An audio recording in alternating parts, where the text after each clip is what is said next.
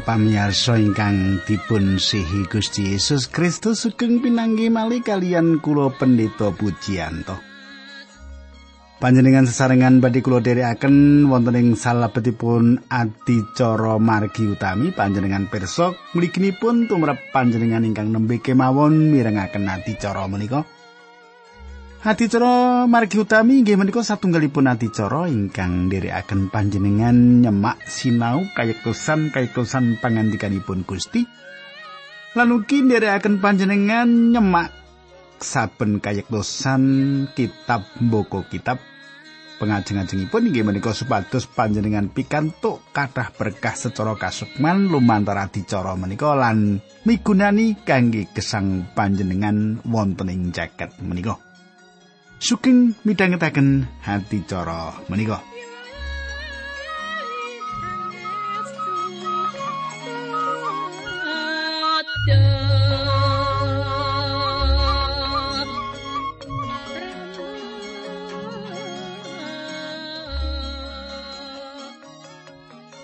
Para pamirsa, wonten ing pepanggihan kepengker kula sampun ngaturaken menapa panjenengan tasih kemutan. Kita sampun nyemak kados pundi Paulus ngluhuraken Gusti awit panjenenganipun Allah ingkang dados sumber panglipuran. Lan kita badhe lajengaken nanging saderengipun menika monggo kita ndedonga sesarengan. Duh Kanjeng Rama ingkang ada dampar wonten kraton ing kasuwargan kawula ngaturaken gunging panuwun ing wekdal menika kawula saged tetunggilan kalian sederek-sederek kawula ingkang setya tuhu midhangetaken adicara menika. Kawula nyuwun Gusti berkahi Gusti mitulungi supados adicara menika saestu estu saged ngiyataken sedherek-sedherek kawula. Dinambaran asmanipun Gusti kawula Yesus Kristus kawula ngetunggal. Haleluya. Amin.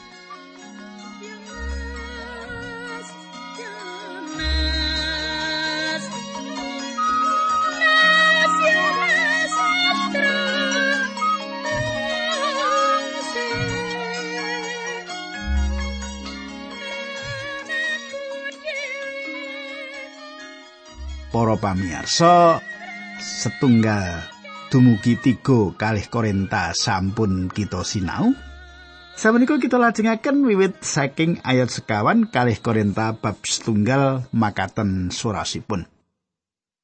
Kang lipur aku kabeh ing sadruning kasusanku satemah aku bisa nglipur wong-wong kang nandang sarupaning kasusahan kanthi panglipur peparinge Gusti Allah marang aku dhewe.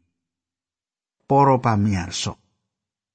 Satunggalipun perkawis ingkang bingahaken gadah Gusti Yesus, gadah Gusti Allah ingkang saged nglipur kita ing salebetipun panandang. Ing wekdal sang surya sumunar lan wonten tiang ngepuk-epuk bau kita. Patrap ingkang kados makaten menika satunggal panglipuran ingkang siji. Nanging Sejatosipun ingkang kita betahaken inggih menika panglipuran ing mangsa kita nandang kasangsaran. Kita badhe nyemak bilih Paulus ngraosaken panglipuran kados makaten menika ing salebeting kasangsaran. Kita betahaken pepesten manunggalipun Gusti Allah ing samukawis kahanan gesang. Ing salebeting kabetan ingkang ageng piyambak tumrap kita ing salebetipun kita piyambakan. Lan wedal kita nglampahi nglokro ing gesang menika. Kekristenan namung teori kangginipun saperangan tiang. Kekristenan namung teori kangginipun saperangan tiang. Kekristenan winates sing pendamelan kados rasukan inggal ingkang dipun agem ing acara-acara mligi lan sasampunipun menika namung dipun angge mekaten kemawon. Kekristenan asring dipun anggap namung upacara agami ingkang mbosenaken lan kathah tembung kotong. Bukti kekristenan inggih menika kados pundi tiang menika saged lumampah kanthi bombonging manah nanging tumrap Rasul Paulus kekristenan sanes namung teori kemawon. Kita lajengaken ayat gangsal lan 6. Sebab kaya anggonku padha nampani panduman ing sangsarane Sang Kristus kalawan luber, Semono uga merga saka Sang Kristus aku padha kaparingan panglipur nganti luber. yen aku padha nemu kasusahan iku dadi panglipur lan karahayanmu. Dene yen aku padha kalipur iku ya dadi panglipurmu. Satemah kowe padha oleh kekuatan kang jalari kowe padha sabar ing sajroning kasangsaran kang padha kaya kang ndak sandang kadang kula kita mangertos menawi Paulus badhe ngrembak kathah perkawis kegayutan kasangsaran ingkang dipun lampahi lan tasih dipun lampahi lan gegayutan panglipuran Gusti Allah lumantar sedaya panandang menika. Kita lajengaken ayat pitu ngantos ayat sedoso. Lan pangarep-arepku tumrap kowe iku tetep awit aku padha sumurup menawa padha kaya anggonmu melu kapanduman kasangsaranku kabeh kowe ya padha melu kapanduman ing panglipur. Sebab karepku para sedulur supaya kowe padha sumurupa mungguing sangsara kang ndak alami ana ing tanah Asia cilik aku padha nandang sangsara kang semono gedene lan abote nganti aku padha ora duwe pangarep yen bisa urip. Malah aku kabeh rumangsa kaya wis kapatrapan paukuman pati nanging bab iku anggone kelakon supaya aku aja padha nganti ngandelake marang awakku dhewe nanging ngemungno marang Gusti Allah kang nangekake para wong mati Panjenane wis ngwalake lan bakal ngwalake aku kabeh saka ing pati kang gegirisi banget iku, ya marang panjenengan iku anggonku nggantungake pangarep-arep yen panjenengane bakal ngluwari aku mau kabeh. Kadang kula ayat-ayat menika Ayat-ayat menika nyetakaken kenging menapa Gusti Allah ngeparengaken kita nglampahi kasangsaran utawi nandang sakit penyakit. Ing priki Paulus nglairaken bilih piyambakipun meh pecah.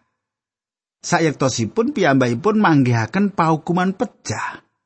Paulus sakit awrat ngantos kula gadah pikiran dokter sanjang dumateng piyambakipun menawi piyambakipun menika tentu badhe pecah. Wonten sawetawis tiyang ingkang gadah pemanggih bilih ing wekdal semanten ingkang dipun kajengaken Paulus inggih menika gerombolan tiang ingkang badhe nyerang tiang-tiang pitados ing Efesus. Gerombolan menika badhe ngremuk badanipun Paulus lan Paulus badhe dipun dadosaken pejah awit saking milani agami. Piyambakipun saged kemawon nyukani keterangan ing kalih pengalaman menika. Pengalaman kalih menika saged andhatengaken pati. Nanging Paulus meratelaken bilih Gusti Allah ingkang mungokaken tiang pecah. Saka pati kang gegirisi banget iku iya marang panjenengane iku anggonku nggantungake pengarep-arep yen panjenengane bakal ngluwari aku kabeh maneh. Menika sanget nggumenaken lan menika migunani kangge kita ing jaman samenika. Para pamirsa. Kula ngringkes bilih Gusti Allah ngeparengaken tiang-tiang Kristen nandang kasangsaran. Gusti Allah kagungan karso ingkang saestu ngidap-idapi nggih wonten ing salebetipun sedaya menika. Panjenenganipun kagungan kersa nindakaken sedaya menika kangge kasaenanipun tiang-tiang pitados. Panjenenganipun kagungan karso supados tiang pitados saged nglipur tiang sanes. Samukawis ingkang kita gadahi menika sedaya saking sih kadarmanipun Gusti Allah. Lan kita menawi gadah samukawis supados wonten ginanipun kangge tiyang sanes. Tanpa mirsani menapa ingkang panjenengan gadahi, Gusti Allah maringaken sedaya menika dumateng panjenengan supados panjenengan saged ngedum dumateng tiyang sanes. Panjenenganipun maringaken sedaya menika dumateng panjenengan minangka satunggalipun kadarman.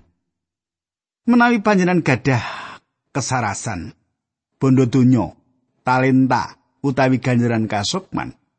Panjenenganipun ngersakaken sebatas panjenengan ginakaken sedaya menika kangge dipun raosaken kalian tiang sanes. Saben tiang rembag kayutan kadarmanipun Gusti Allah.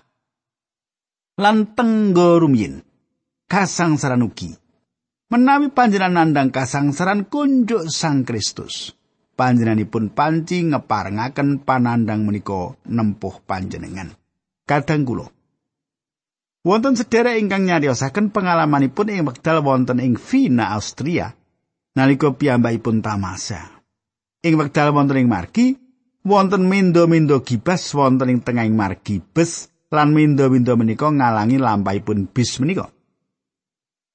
Sedherek ingkang lenggah ing sisihipun rumaos jengkel awit namung wonten segawon kalih ingkang jagi lan ngengen mindo-mindo menika. Rencangipun abdi Gusti menika tiang Kristen lan sanjang kalian sedherek jengkel ingkang lenggah ing sisihanipun menika. Menapa panjenengan mangertos naminipun segawon-segawon menika? Sederek menika atur wangsulan. Mboten, kula mboten mangertos naminipun. Rencang abdi Gusti kalawa nyukani wangsulan. Cobi panjenengan pirengaken Daud sanjang. Kasaenan lan kamirahan badhe tansah ngiring kita ing saben wekdal ing salebetipun gesang kita kadang kula Saged ugi mboten kapikir kita menawi nami segawon kalih menika ingkang jegoki panjenengan. Ingkang larang panjenengan menggok nengen lan ngiwa inggih menika kasainan lan kamirahan. Kamirahan Gusti Allah kemawon ingkang jagi kita ing margi ingkang lenceng lan ciut lan panjenenganipun ginakaken pacoban lan kangilan kangge tujuan menika. Panjenenganipun menika Rama ingkang kebak sih kadarman. Kadang kula kita mboten kenging asikep gumedhi dhateng Gusti Allah. Kala-kala kita saged sanjang ingkang saged dados panglipuran tiang ingkang nandang penyakit ingkang awrat kita sanjang Gusti Allah maringi ngerti aku yen panjenengan bakal waras. Dadi panjenengan aja kuwatir. Kamangka saged ugi Gusti Allah mboten nate meratelaken perkawis menika dumateng tiang ingkang nandang penyakit ingkang awrat menika. Paulus kanthi andhap asor lan Paulus saged meratelaken kanthi yakin sanget. Panjenengane wis ngwalake lan bakal ngwalake aku kabeh saka ing pati kang gegrisi banget iku. Lan Paulus mesti kemawon saged sanjang. Ing wektu iki uga panjenengane milu jengake aku. Salajengipun tanpa mbombong badan piyambak Paulus sanjang. Iyo, marang panjenengan iku anggon kunggantungake pengarep-arep yen panjenengane bakal ngluwari aku maneh. Panjenengan semak Paulus mboten menapa Gusti Allah badhe milujengaken Paulus menapa mboten? Nanging Paulus pitados bilih Gusti Allah badhe nyelametaken piyambakipun. Awis saking menika kanthi landesan menika, Paulus saged abingah-bingah ing salebetipun kasunyatan bilih Gusti Allah ngidinaken Paulus martosaken Injil ing jaman semanten.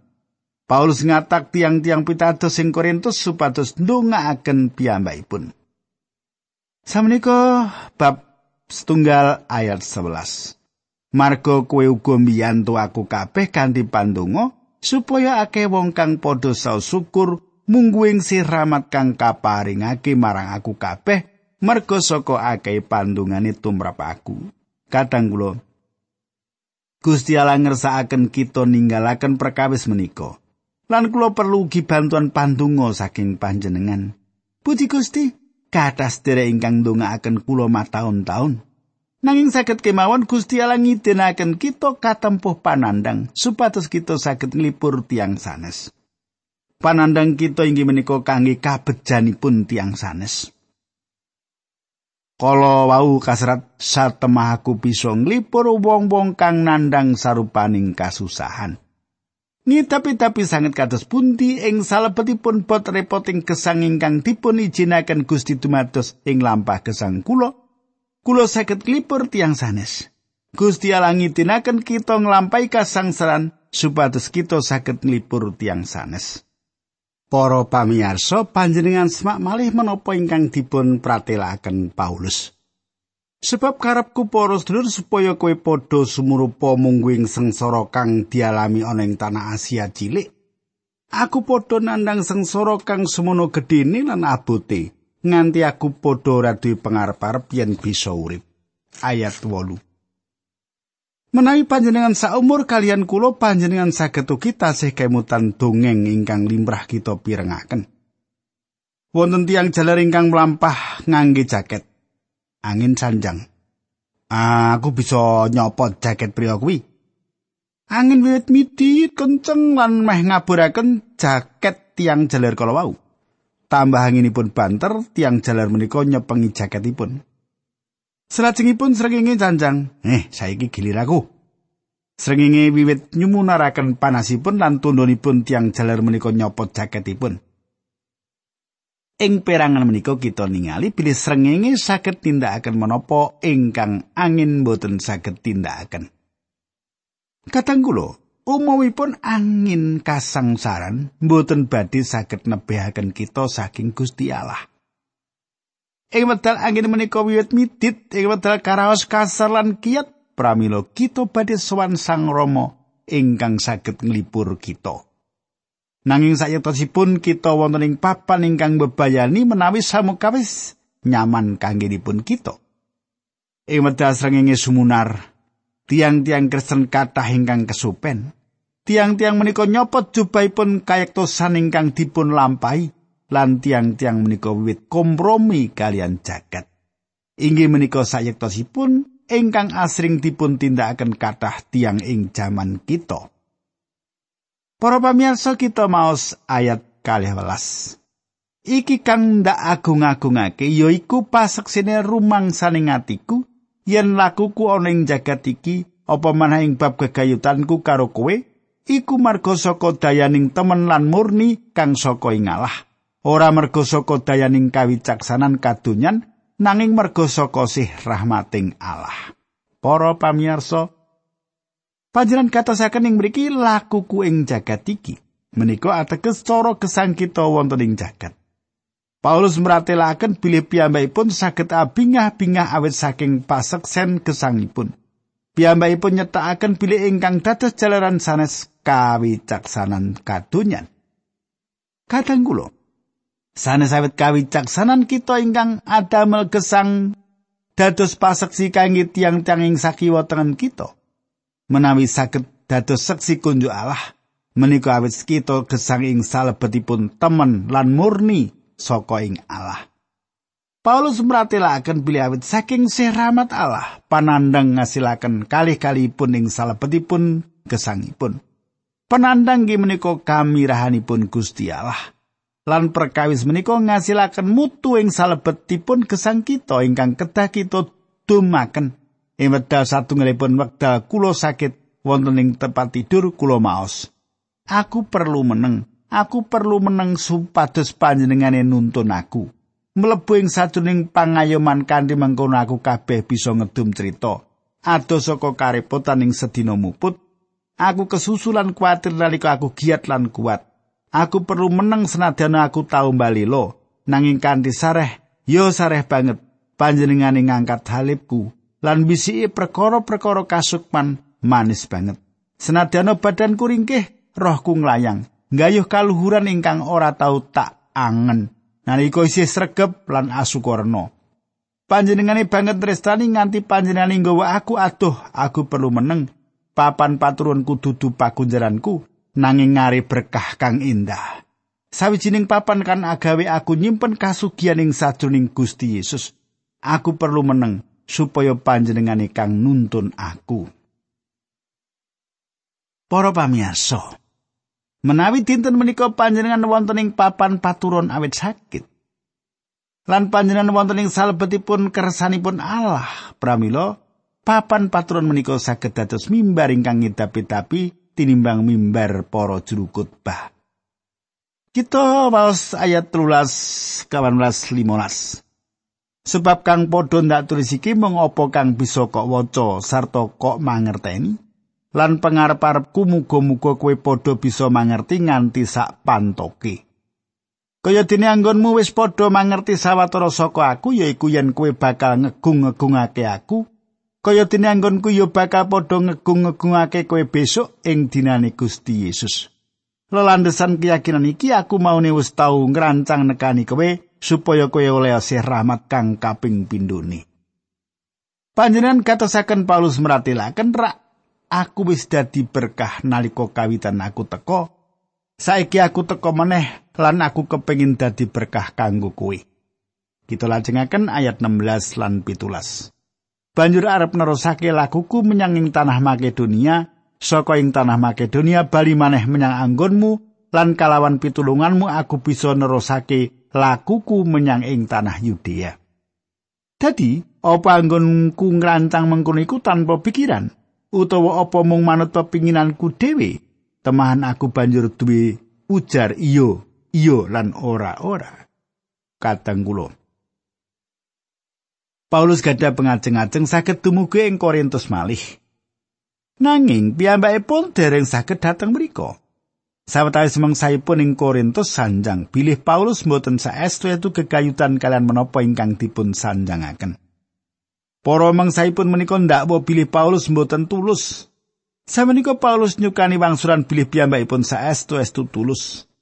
Paulus meratelaken menawi piyambakipun sanjang iyo ateges iyo. Lan menawi piyambakipun sanjang boten ateges inggih boten. Tiang-tiang pitados jaman samenika persis kados makaten menika tiang-tiang pitados kedahipun boten kenging makaten kemawon damel janji lan rancangan ing salebetipun jagating bisnis lan ing salebetipun janji-janji saben dinten. Kita mbetahaken tiang-tiang ingkang tanggal jawab kalian menopo ingkang dipun sanjangaken. Kita lajengaken ayat wolulas. Demi Gusti Allah kang setya tuhu janjiku marang kowe ora iya lan ora. Paulus mboten sanjang aku bakal teko. Selajengipun sanjang aku ora sida teko. Kados-kados pinplan. Kenging menapa awit Gusti Allah nuntun Paulus. Paulus wonten ing salebetipun kersanipun Gusti Allah. Ayat 19. Awit Gusti Yesus Kristus putrane Allah kang wis ndak wartakake ana ing antaramu, ya aku lan Silvanus sarta Timotius dudu iya lan ora nanging kosok baline ana ing panjenengane iku kang ana mung iya. Panjenengan katosaken Injil ingkang dipun wartakaken inggih menika agung. Lan ingkang sanjang iya. Injil inggih menika satunggalipun ingkang Gusti Allah makarya kangge kita. Injil menika pawarta sae. Kita mboten namung gadah Gusti Allah ingkang setya, nanging Gusti Yesus Kristus ingkang gumathok. Ayat kalih dosa. Sebab Sang Kristus iku iyo, tumraping sake prasetyane Gusti Allah, iya iku sebab anggon kita marga saka panjenengani banjur ngucap amin minangka kamulyaning Allah. Panjenengan katosaken bilih sayektosipun Gusti Allah gadah karso sae dumateng kula lan panjenengan. Para pamirsa, kita ndedonga kita pungkasi semanten rumiyin. Monggo kita tumungkul kita ndedonga. Duh Kanjeng Rama ing swarga kawula ngaturaken gunging panuwun menawi kawula sampun nyemak pangandikan paduka kintenipun menapa ingkang abdi paduka andharaken menika saged dados berkah sedherek kawula. Dinambaran asmanipun Gusti Yesus Kristus kawula ndedonga haleluya amin.